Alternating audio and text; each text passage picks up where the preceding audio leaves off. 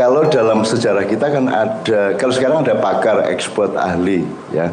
Dulu kan ada punokawan ada punokawan atau ponokawan dua dua. Jadi setiap stakeholder itu punya sahabat punokawan atau ponokawan kalau punokawan itu orang yang mencintai dan setia.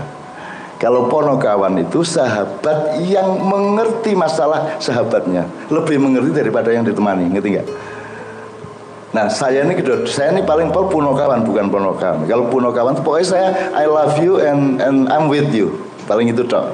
Tapi kalau ponokawan saya harus ngerti betul peta bisnis. Sekarang dengan teknologi 4.0 akan terjadi begini orang tidak punya hotel dia lebih kaya dari yang punya hotel orang tidak punya toko dia ngurusin online uh, orang beli dan seterusnya nanti dia lebih kaya dia, dia lebih sukses daripada yang punya barang dan toko ya sekarang ada apa namanya ada OVO ada pokoknya bank juga terancam toko-toko terancam, perusahaan-perusahaan besar terancam. Tapi kalau listrik,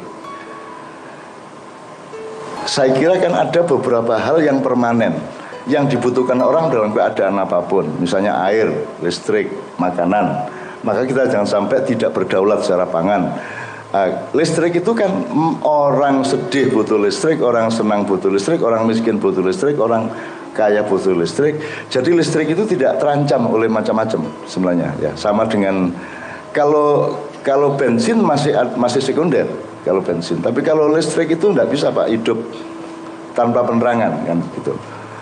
Juga tidak bisa. Air itu pokoknya saya ngelihat mas waktu reformasi penjarahan di Trisakti pak saya di situ pak tiap hari.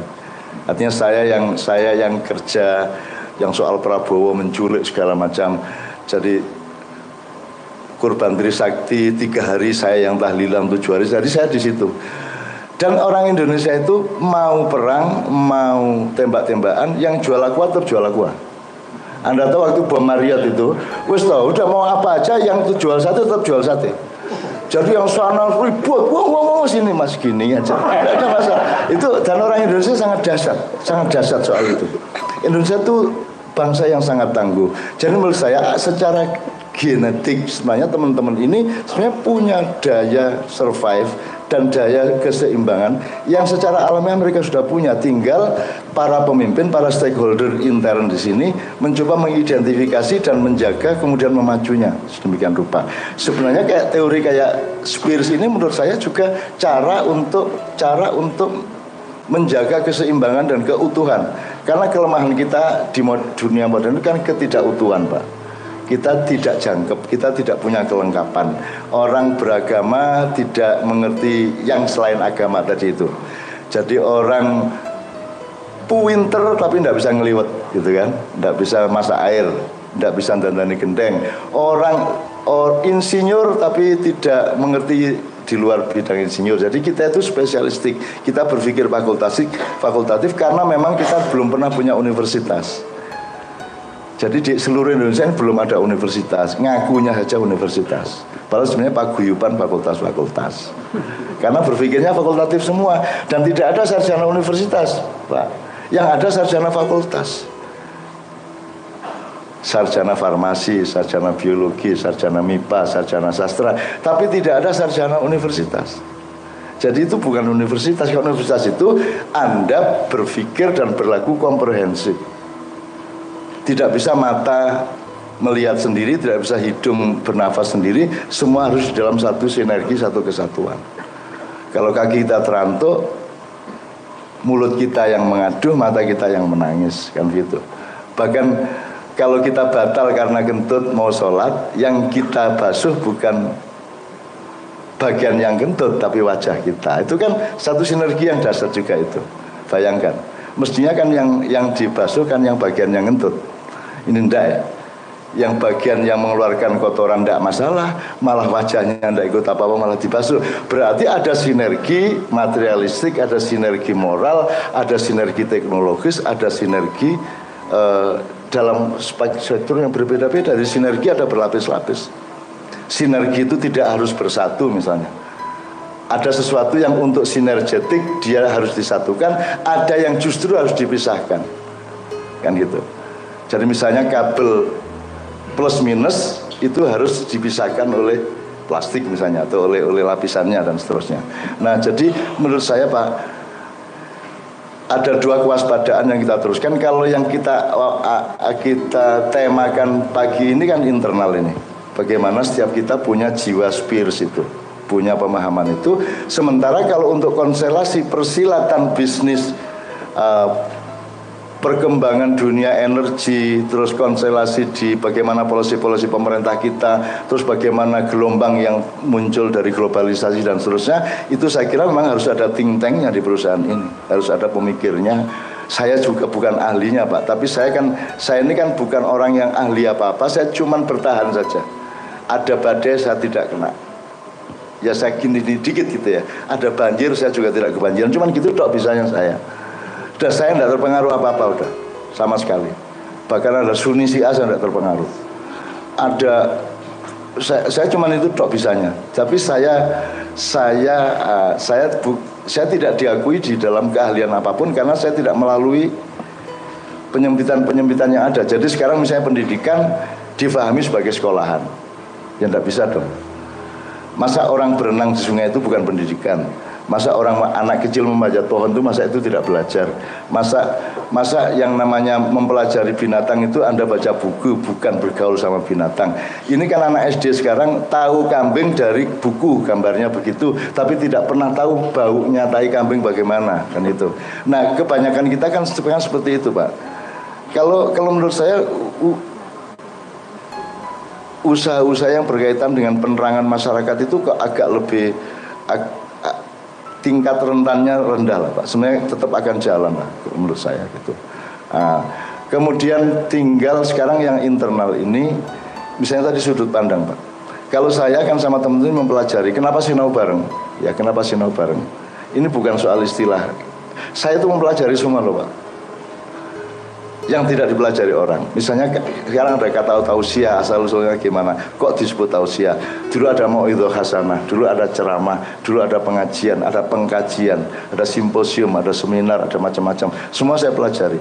Maka saya bikin sinau bareng. Karena kalau sinau bareng itu satu, subjek utamanya bukan penceramahnya, subjek utamanya adalah yang mendengarkan. Jadi urusannya bukan saya ngomong apa, urusan utamanya adalah Anda mampu memaknai apa untuk kepentingan Anda masing-masing, untuk hikmah Anda masing-masing. Gitu loh.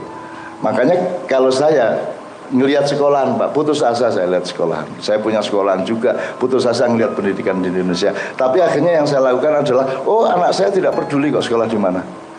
Karena yang penting dia bersikap bagaimana. Mau dia di fakultas apa pun, di universitas apa pun tidak ada masalah Wong saya juga tidak pernah melewati fakultas apa pun. Saya fakultas ekonomi ya Pak. Empat bulan ya, cukup. Orang enam tahun saya empat bulan coba. Karena tidak punya duit sebenarnya kan untuk meneruskan semesterannya gitu. Tapi intinya saya pelajari sampai tingkat Mbak.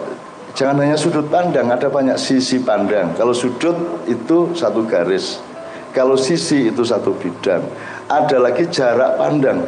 Itu sangat penting. Yang sekarang orang tidak lakukan itu jarak pandang, Pak. Jadi ini kacamata, lu kan ini spektrum spektrum kacamata tuh Pak. Ini kan saya enggak, ini enggak, ini enggak ada urusannya sama anu ini kan untuk menutupi tuanya saya aja.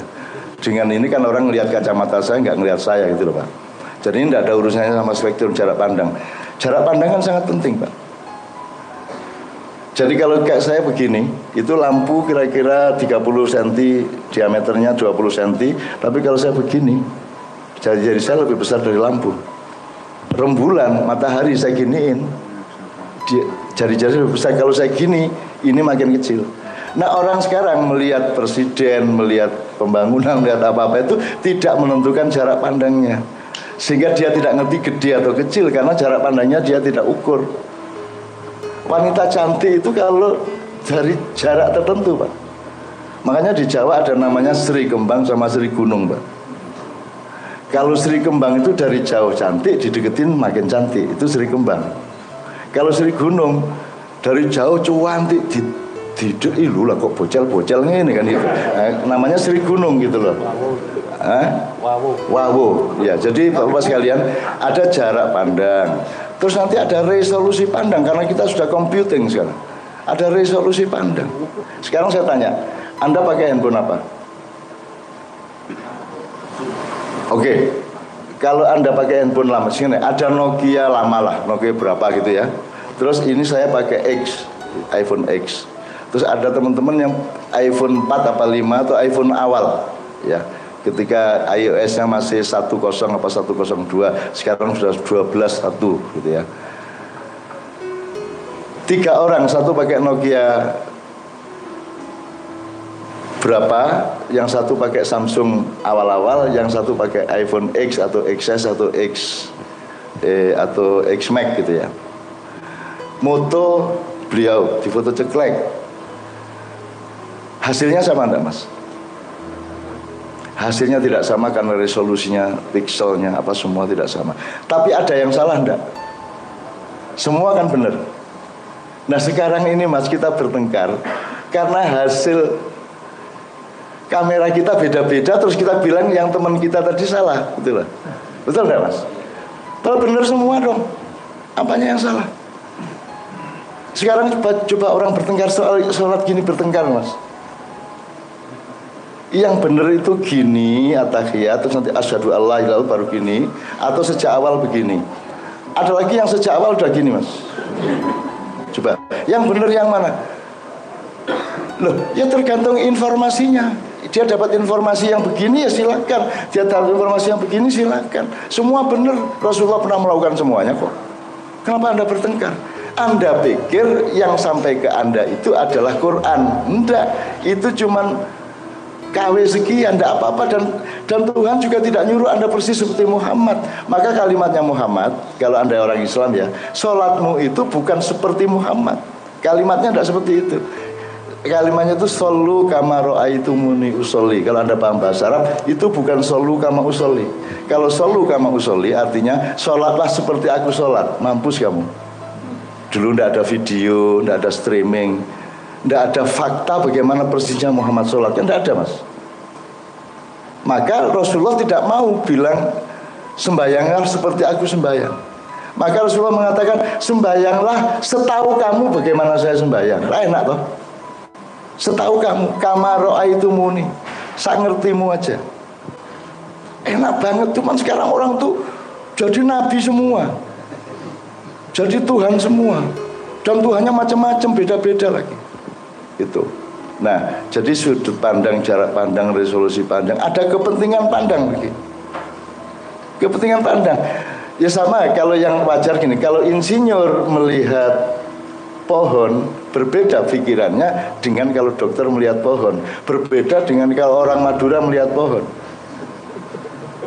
Anda naik haji tergantung anu, disiplin Anda